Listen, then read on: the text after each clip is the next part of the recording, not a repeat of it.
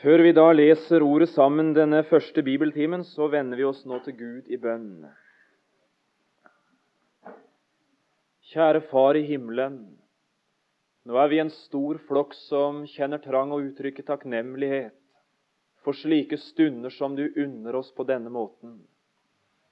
Takk fordi vi i sangen, Jesus, i samfunnet og i ordet som du har gitt dine, får møte deg selv og nå ber vi deg, Herre Jesus, vil du tre oss ganske nær i ditt ord. Vil du, kjære Hellige Ånd, kaste lys over ordet, herliggjøre Guds og vår Frelsers navn for oss, og føre oss inn i et fortrolig, rikt og djupt samfunn med Han.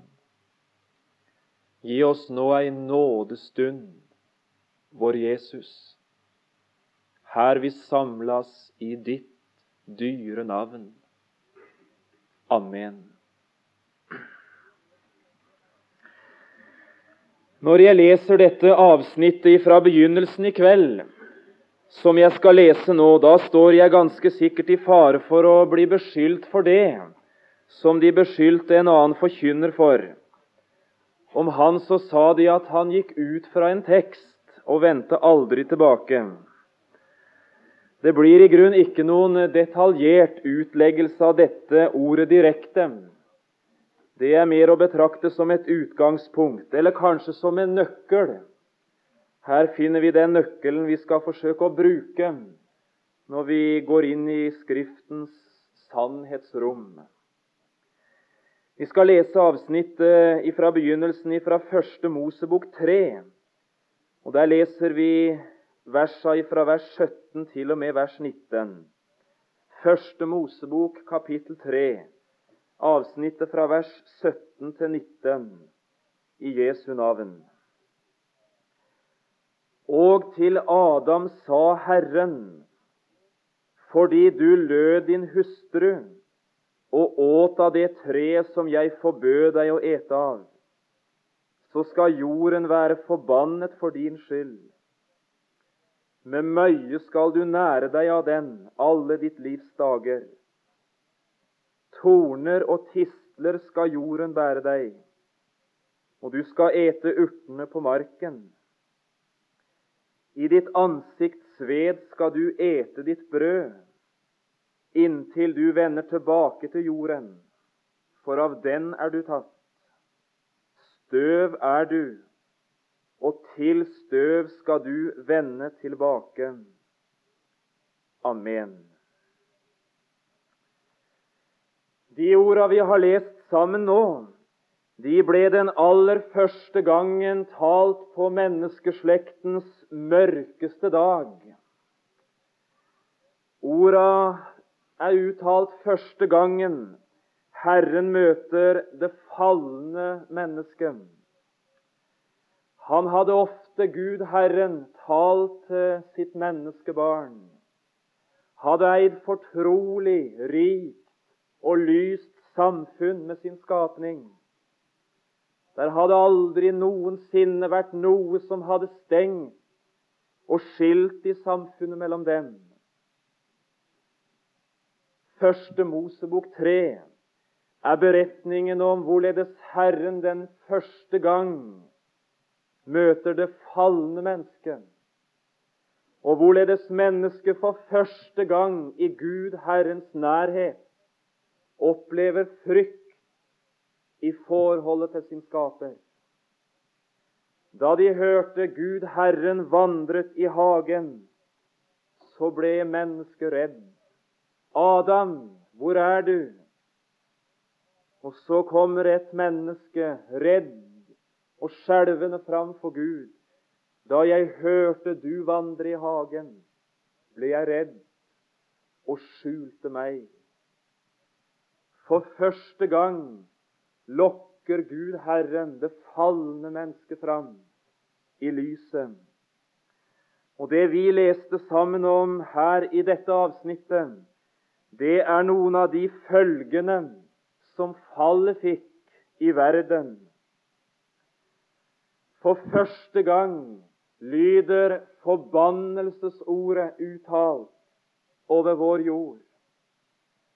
En forbannelse som har hvilt over slekten, over jorden, alle år siden det ble uttalt første gang. Jorden skal være forbannet for din skyld.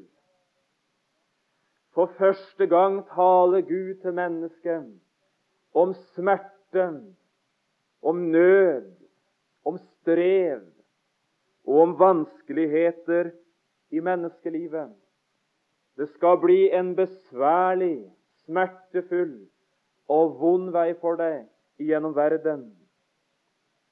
Og for første gang taler også Gud til mennesket om utgangen, om død og om uforgjengelighet. Av støv er du, og til støv skal du vende tilbake. Alt sammen følger av fallet som vi sliter med, også i 1982. Jeg skal ikke oppholde meg noe ved noen av de følgene av fallet. I denne sammenhengen så vil jeg gjerne bare gjøre oppmerksom på vers 18. Det er lite påakta, og det er et lite trekk i dette verset som er nøkkelen for oss til de to bibeltimene jeg skal forsøke å ha. Torner og tistler skal jorden bære deg. Og så skjer det over en forbannet jord at torner og tistler begynner å vokse fram. Vi skal ikke oppholde oss mye ved dem heller. Men blant alle de tornebusker og tornekratt, iblant alle tistler og vekster som nå vokste fram på Guds befaling, så gjør Skriften oss oppmerksom på én ganske liten tornebusk. Uanselig, står den der. De aller fleste i verden går forbi denne tornebusken uten i det hele tatt å legge merke til at den står der. Der rant nemlig noe i Guds tanke. Jeg skal skape en liten tornebusk Uanselig skal den være, og enkel. Men denne lille tornebusken, det skal være redskapet for min tale og for mitt ord til mitt elskede menneskebarn. Iblant alle tornebusker og tornekratt står den liten, uanselig. Har du sett den? Har du noensinne vært i denne lille tornebuskens nærhet? Har den evige Gud noen gang i ditt liv nådd ditt hjerte og ditt sinn med ordene fra tornebusken? Det jeg så gjerne ville med disse to bibeltimene, det var å ta den enkelte som nå lytter, med til denne lille tornebusken. Og så ønska jeg, så langt jeg makta det, å formidle noe av det budskap som Herren lar lyde ved denne tornebusken. Og om vi fikk lytte og se. Tornebusken sto i lang, lang tid ganske uvirksom, ganske ubetydelig, og ingenting syntes å skje. Kanskje sto den full av slike tanker som de fleste av oss er fulle av med tanke på framtid og på liv. Hvor mange en ungdom har ikke tenkt hva mon framtida skal være for meg? Hva mon livet skal bringe i min situasjon? Hva var Skaperens vilje, tanke og plan med mitt liv? Lenge sto den, og svar kom aldri. Inntil en dag da noe plutselig skjedde. Det var som tornebusken fikk en forunderlig følelse av å være omgitt, inneslutta, innelukka i noe lys, i noe varmt, i noe godt. Det var som den lille tornebusken fikk en forunderlig følelse av. Så nær Skaperen som du nå er, har du aldri noensinne fått være. Det var som den kjente seg værende i Gud. Og som den rett skal se, oppdager denne lille tornebusken den sto i lys lue uten å brenne opp. Tornebusken undret seg. Med et forøye på en gjeter, fattigslig så han ut. Gjeteren kommer opp over berget den var satt, hører sin jord. Og tornebusken legger merke til hvorledes denne gjeteren med et bråstanse sperrer sine øyne opp og fester blikket på noe han aldri trodde han skulle komme til å se. En brennende tornebusk. Brennende uten å brenne opp. Hastig fører han sin jord til ro. Og så begynner gjeteren forsiktig å nærme seg det han så. Den brennende tornebusken. Andre Mosebok 3, ifra vers 1. Moses gjette småfe hos Jetro sin svigerfar, presten i Midian. Han drev en gang småfe bortom ørkenen og kom til Guds berg, Horeb. Der åpenbarte Herrens engel seg for ham i en luende ild midt ut av en tornebusk. Moses så opp og se, tornebusken sto i lys lue, men tornebusken brente ikke opp, og Moses sa, Jeg vil gå bort og se dette vidunderlige syn, hvorfor tornebusken ikke brenner opp. Da Herren så at han gikk bort for å se, ropte Gud til ham midt ut av tornebusken og sa, Moses, Moses. Han svarte, Ja, her er jeg. Da sa Herren, Kom ikke nærmere, dra dine sko av dine føtter, for det sted du står på, er hellig jord. Så sa han, Jeg er din fars Gud, Abrahams Gud, Isaks Gud og Jakobs Gud. Da skjulte Moses sitt ansikt, for han fryktet for å skue Gud. Og så ser jeg første gang denne enkle tornebusken være et bindeledd imellom den evige Gud og det arme mennesket. For første gang står den enkle tornebusken fram og formidler et møte imellom Herren og mennesket. Og i ordet vi leste her, så ser vi noe om hvorledes det går med et menneske som slik nært og personlig får møte Herren. Og om vi makta å hjelpe hverandre inn i det personlige møtet med den levende Gud. Og som det preger et menneskeliv. Og som det setter sitt uutslettelige stempel på ham. Det mennesket som har møtt Herren, han glemmer aldri det han har opplevd. La oss si litt om det. Moses oppdagte altså her ved tornebusken Jeg, jeg har med Gud å gjøre. Og enkelt vil jeg så gjerne si til deg som er på bibeltimen, det er også sannheten om deg. Hva enten du er av de som har hørt det mange ganger, hørt og trodd det, eller du er av de som kanskje bare så vidt har hørt og ikke trodd. Vi har med Gud å gjøre, hver eneste en av oss. Jeg er vel vitende om at vi lever i ei tid Det er veldig mange mennesker nekter å erkjenne sannheten i det. Ha med Gud å gjøre. Langt ifra. Det er ikke min situasjon. Det er ikke gjeldende for meg. Og så er det mange, kanskje ikke så mange som en av og til får inntrykk av, men noen, som står der freidig og kjekt fram.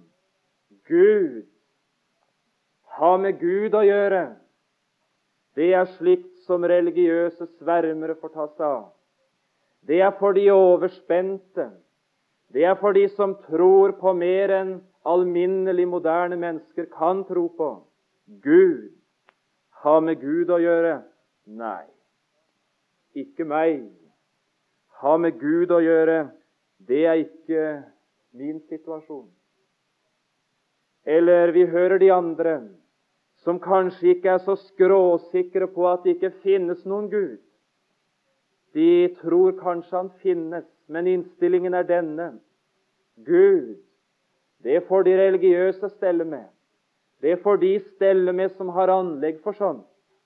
Jeg har mer enn nok med å mestre livet om jeg ikke skulle forsøke meg på ting utenfor.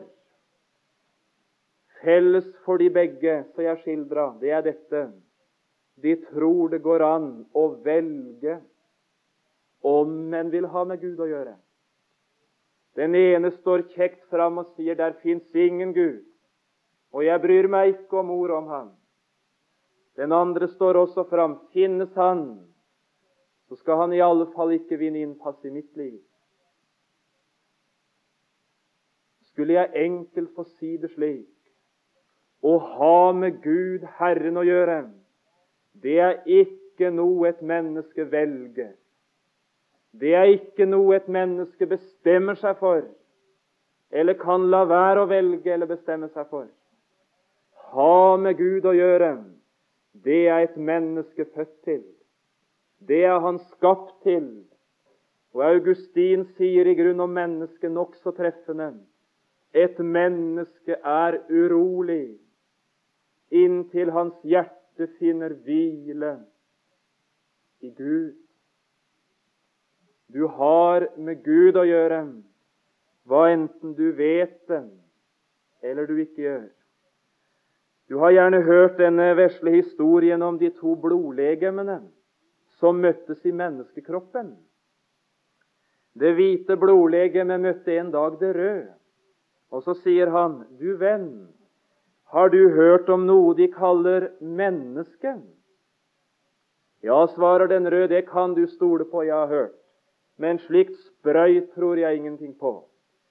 Jeg vet nok at det er en del svermer iblant oss som tror på dette de kaller menneske.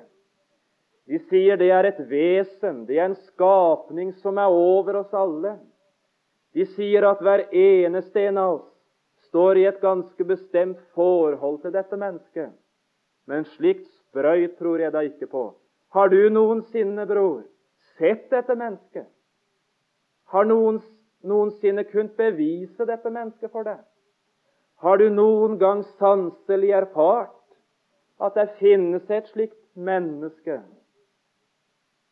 Den andre svarer ingenting. Menneske. Hvem kan tro på mennesket? Ja, sier han plutselig, du er vel ikke du av dem som tror på dette mennesket? Da den andre fremdeles ikke har svar, vender han seg kjekt om og går sin vei så fortsetter de begge, både det hvite og det røde blodlegemet. Begge fortsatte de sin ferd igjennom menneskekroppen. Og så ser jeg den lærde Paulus på Areopagos-høyden utenfor Aten, der han taler til de mange lærde atenere, som var akkurat slik vi bøyer oss ikke for annet enn vi kan gripe med vår tanke. Vi kan bevise eller forstå atenske menn da jeg gikk omkring. Og så taler han om alteret han så. For en ukjent Gud. Og så står han fram, Paulus. Den Gud som dere tilber uten å kjenne ham, denne Gud forkynner jeg dere.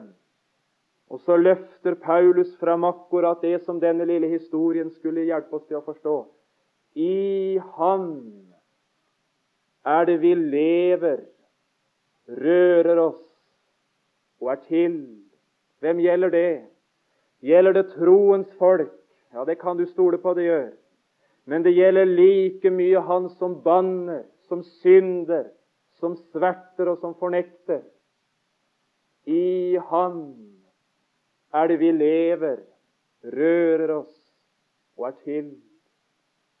Gud. Jeg skal undre meg på hva den evige Gud må tenke. I sin ene hånd så holder han en masse bitte små støvkorn han kalte de små støvkorna for universet. På Guds lille finger ligger et av de aller minste korn. Han kalte det jorden. Og på dette ganske lille støvkornet på Guds lille finger ser den evige Gud fire milliarder bitte små menneskekryp. Sammen går de omkring på Guds støvkorn plassert på hans lillefinger. Jeg skal undre meg på hva den evige Gud må tenke der han ser sitt bitte, bitte lille menneskebarn. Kjekt og stolt hovmoder han seg og står fram. Gud! Hvem kan tro på Gud? Jeg bøyer meg ikke for annet, sier han, enn hva jeg kan forstå hva de kan bevise for meg, hva jeg kan fatte, hva jeg kan se, hva jeg kan høre. Jeg bøyer meg ikke for annet enn det som jeg er i stand til å gripe og fatte fullt ut. Ser du han, det moderne mennesket, på Guds lille finger? Jeg undrer meg på hva den evige Gud må tenke. Kanskje trekker han stille på smilebåndet. Kanskje renner en stille tåre. Arme, usle menneskebarn, som tror du er den store, som tror du fatter, forstår og kan erkjenne alt. Å, om du rett fikk se det store. Da hadde du sett hvor liten du er. Einstein han sier noe voldsomt fint. Det skjønneste av opplevelser i et menneskeliv, det er når mennesket stilles overfor det ufattelige. Og Jeg vet ikke om jeg makter å formidle det jeg har akkurat her. Men jeg skulle ønske du fikk se så mye av Herren, av Hans henders gjerninger, og av den store sammenhengen at du fikk se deg selv som den du er. Ubetydelig, liten i den store sammenhengen. Og at du som støven kunne bøye deg for Herren og tilbe den store, den levende og den evige. Salme 14 og vers 1. Dåren sier i sitt hjerte det er ingen Gud. Hvem er det som snakker sånn? Det er dåren. Og jeg hadde nesten lyst til å sagt den som er enda mer dåraktig, våger å si det høyt. Dåren sier i sitt hjerte det er ingen Gud. Og den som er enda mer dåraktig, han, han sier det høyt. Og jeg syns altså Paulus han, han setter sakene på plass i Romerbrevet 1 og vers 23. Det er altså bom.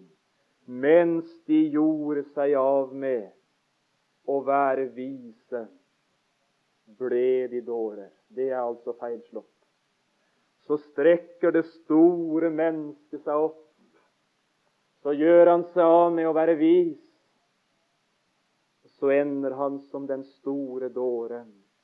Han ligner prikken som blåste seg opp og ble til et null. Og jeg har altså sånn trang å si om vi i skapelsens mesterverk kunne se fottrinn av Han som er den evige Gud. I Han er det vi lever, rører oss og er til. O store Gud, når jeg i undring aner Ja, for jeg aner det bare. Det evige, det ufattelige. Paulus ante den, også med tanke på frelsens storverk. Og så bryter han ut i Romerbrevet i kapittel 11, i slutten av det kapittelet. Og dyp, og dyp av rikdom og visdom og kunnskap hos Gud. Hvor uransakelige hans dommer er, hvor uspolige hans veier. Og i sisten for av Han og ved Han og til Han er alle ting. Og så opplever Moses på vei mot tornebusken at han stanses opp. Å, om jeg kunne stanse den! Jeg vil gå bort for å se hvorfor Hvorfor tornebusken brenner uten å brenne opp. Og så forsøkte han i sin tanke, med sin fornuft, å fatte det ufattelige. Stans, Moses. Stans. Kunne jeg enkelt få stanse den enkelte nå for dette og nærme seg det guddommelige for å forstå? Det er ikke måten å nærme seg det evige med krav om å fatte, det er ikke støvet verdig. Og Kan jeg få bekjenne en enkel ting i denne sammenhengen, så har jeg jammen lyst til å si Å, men jeg er glad jeg har med en Gud å gjøre, med en far å gjøre, som jeg ikke forstår. Som jeg ikke under noen omstendighet er i stand til å forstå. Hvordan skulle jeg forstå Herren og Skaperen? Hvordan skulle jeg forstå at Han som troner, som bor i det høye og i det hellige, at Han vil bo hos den som er sønderknust og nedbøyd i ånden? Hvordan skulle jeg forstå sånn? Åssen skulle jeg i møte med frelsens storverk kunne forstå hvordan Gud kunne elske verden, verden så høyt, at han ga sin sønn. Hvordan skulle et støv kunne forstå sånn? Å, men om jeg ikke forstår, så får jeg gripe det tro, i takk og i tilbedelse. Gud, Gud, Gud. Og så opplevde Moses det er det siste her. Det sted du står på, er hellig grunn. Og så møter han den hellige. Du har lagt merke til en ting med vår tid. Jeg har gjerne sagt det på åkra før, og jeg gjentar det akkurat nå. Vi er i ferd med å miste det sanne bildet av hvem den evige Gud er. Det er massevis av mennesker på Karmøy som har dannet seg sitt eget bilde av Gud. Og så har de fatta tillit og tro til at sitt selvlagede bilde det er i overensstemmelse med det virkelige bildet. Hva for et bilde er det de har lagd? De har laget bilde av en kjærlig Gud og at Gud er kjærlig, betyr for dem det går bra med alle. Det blir utgang, liv og fred og lykke og trygghet for oss alle. Det eneste som skal til, det er at vi gjør rett og selv for oss. Det er at vi gjør så godt vi kan. Det at vi gjør det alminnelig bra i denne verden. Og så gjør vi det så godt vi kan, og så skjøter den kjærlige Gud på i omsorg, i tålmodighet, i godhet og i tilgivelse. Og så er det utgang, liv og godhet for alle. De ser for seg religiøsitetens allfader. Det er uhyggelig hvor mange religiøse mennesker det finnes som tror på Allfaderen. Det er ingen fare med Gud. Er det noe sted vi under ingen omstendighet er i fare, ja, så er det med tanke på Han. De skulle bare ha visst. Det sted du står på, er hellig grunn. Og så stanser Moses i dette. Han skjuler sitt ansikt og frykter for å skue Gud. Jeg undrer meg på hvor mange av oss som har hatt opplevelsen av det i vårt liv, og vært i den hellige Guds nærhet slik at vi har måttet ha skjult vårt ansikt. Jeg skal undres på mange av dere unge, eller av de gamle med, som noensinne har hatt opplevelsen, hva enten det var i Skriften eller i forsamlingen, eller på andre vis. Du møtte Herren slik at du ble redd. Jeg tenker på Esaias i tempelet. Hellig, hellig, hellig. Og så fødtes der et rop. Uren, uren, uren. Og så møtte han den hellige. Eller jeg leste her om dagen om Johannes, der han møter den herliggjorte i åpenbaringsboka 1 der han stråler fram med noe av himmelens og guddommens herlighet. Da jeg så ham, falt jeg ned for hans ansikt som død. Det er å møte Herren for mennesker som er av en ganske annen kvalitet enn Gud. Jeg fikk et bitte lite bilde på det. La meg bare bruke det til sist her. Jeg jobba på Jernverket på Notodden en sommer. Der har min jobb å stake i disse glødommene. Jeg skulle sørge for å kjøre på med køl og kvarts og, og forskjellige råstoffer og forbrenningsstoffer. Jeg skulle sørge for å legge det så godt inn til elektrodene jeg kunne. Stake det til og fylle på og sørge for at prosessen i varmen gikk slik den skulle. Jeg oppdaget første dagen jeg var der, at å nærme seg den glødende elektroden og den glødende massa, det var jeg ikke i stand til. Varmen var av en slik kvalitet. Det var ikke stoff i meg til å tåle varmens nærhet. Varmen som jeg har fryda meg over så mange ganger. Lyset fra den, varmen fra den og nytten av den. Jeg var ikke i stand til å trå varmen for nær. Det var en annen kvalitet i varmen enn det var i meg. Og så har jeg mange ganger tenkt å være ufrelst.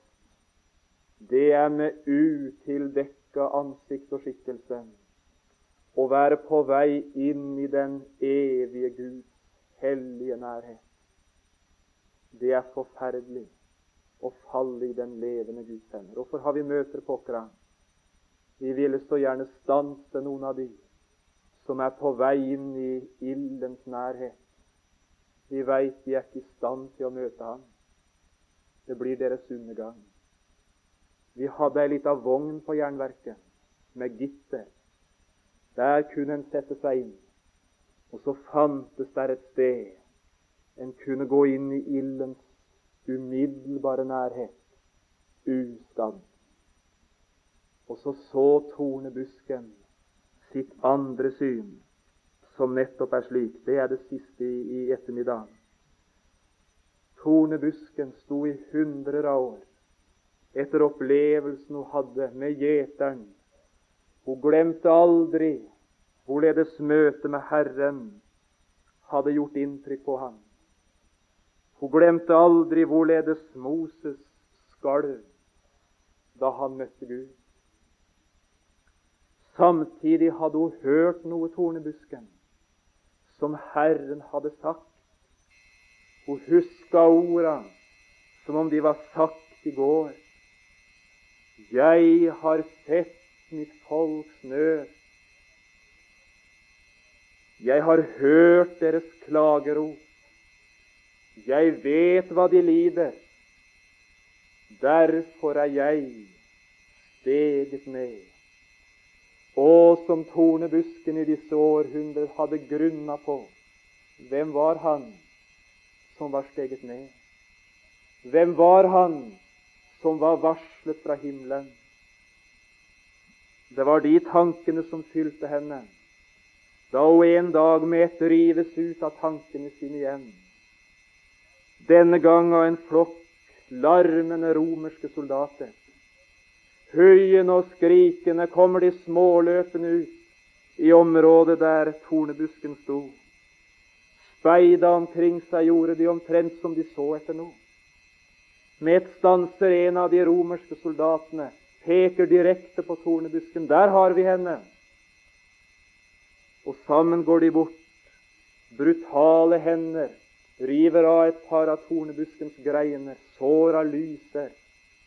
Og det er som tornebusken kjenner noe av smerten jage gjennom seg. Og skulle de med den Og så ser tornebusken noe som hun heller aldri glemte. Ivrige hender i ferd med å flette en tornekrans. Og skulle de med den. Sammen går de tilbake, og på avstand ser hun en skikkelse, maltraktert, slått, fin og plat. Og syns hun dro kjensel på ham, om det ikke var skapelsens verksmester som sto der i menneskeskikkelse. Var det han som var steget ned. Hvordan tok de imot han? Hva gjorde de med han? Og så så hun det. Tornekransen pressa de om panna. Slo han, gjorde de. fiska han, hadde de gjort. Narr, hån og spott. Og så legger de forbannelsens tre på hans nakke. Og så fører de han utenfor og nagler han fast mellom himmel og jord som den forbannede. Johannes 19 og vers 1. Da tok Pilatus Jesus og lot ham hudstryke. Og stridsmennene flettet en krone av torner og satte den på hans hode. Og de kastet en purpurkappe om ham gikk frem for ham og sa, Vær hilset, du jødenes konge. Og de slo ham i ansiktet. Pilatus gikk da atter ut og sa til dem, Se, jeg fører ham ut til dere, for at dere skal vite at jeg finner ingen skyld hos ham. Jesus kom da ut og bar tornekronen og purpurkappen og Pilatus sa til dem, Se, se det mennesket. Tornebusken så han som den tornekronte, som den mishandlede, som den korsfestede. Og hun glemte aldri det hun så. Det var som synet av han gjorde hun redd og kald. Se det mennesket, var Pilatus' ord. Han sa det for å vekke medlidenhet, om han selv kunne komme unna. Til sist i ettermiddag vil jeg så gjerne si se, se det mennesket. Ikke så du skulle fatte medlidenhet med Jesus. Det er noen som taler evangeliet om smertenes mann slik at du sitter igjen med 'stakkars Jesus'. De har ikke forkynt evangeliet. Han kom ikke for å vekke medlidenhet, men han kom for å vekke et syn på smertenes mann som berørte hjertet på en annen måte. Og la oss spørre hverandre nå hvorfor henger han der på forbannelsens tre? Jo, fordi mine synder er der. Hvorfor roper han så av sin Fader forlatt? Kun for meg for min sjel, det jo er se, se, se og lev. Det er liv i å se på det Golgata kors. Ja, just nu er det liv òg for deg. Hva var tornene? Det var frukten av forbannelsen over jord. Det var frukten av et fall. Det var følgen av et fall. Og så la de frukten, følgen av fallet på ham. Å, men det smerta. Å, men det stakk.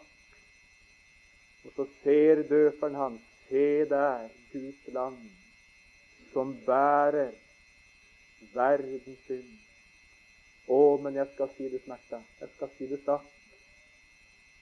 Da Jesus bar tornekransen til Golgata, så vitner det om han bar all følge, all frukt av et forferdelig fall. Og han bar det i stedet for den falne. Å, hvilke dype saker! Hvor undres ei min sjel? Se Herren dødens maker i stedet for sin trell. Den Herre Kristus, Gud og mann, for meg fortapte synder gikk under syndens bann. Forstå den? Nei, men gripe det, se den, åpne meg for den. Å, men som jeg ønska det. Og Så vil jeg gjerne slutte slik. Jeg har brukt tida mi og si det sånn. Hva var Kristi kors? Hva er korsets evangelium? Hva er den tornekrontes evangelium? Det er et vitnesbyrd to veier. Et vitnesbyrd til Herren. Straffen har rammet meg. Soningen er fullbyrdet. Dommen er falt. Altså heter syndeproblem er løst i mitt kors. Gud, du fikk alt du krevde.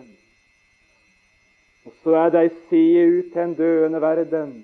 Barabbas, Peter, John, du er fri.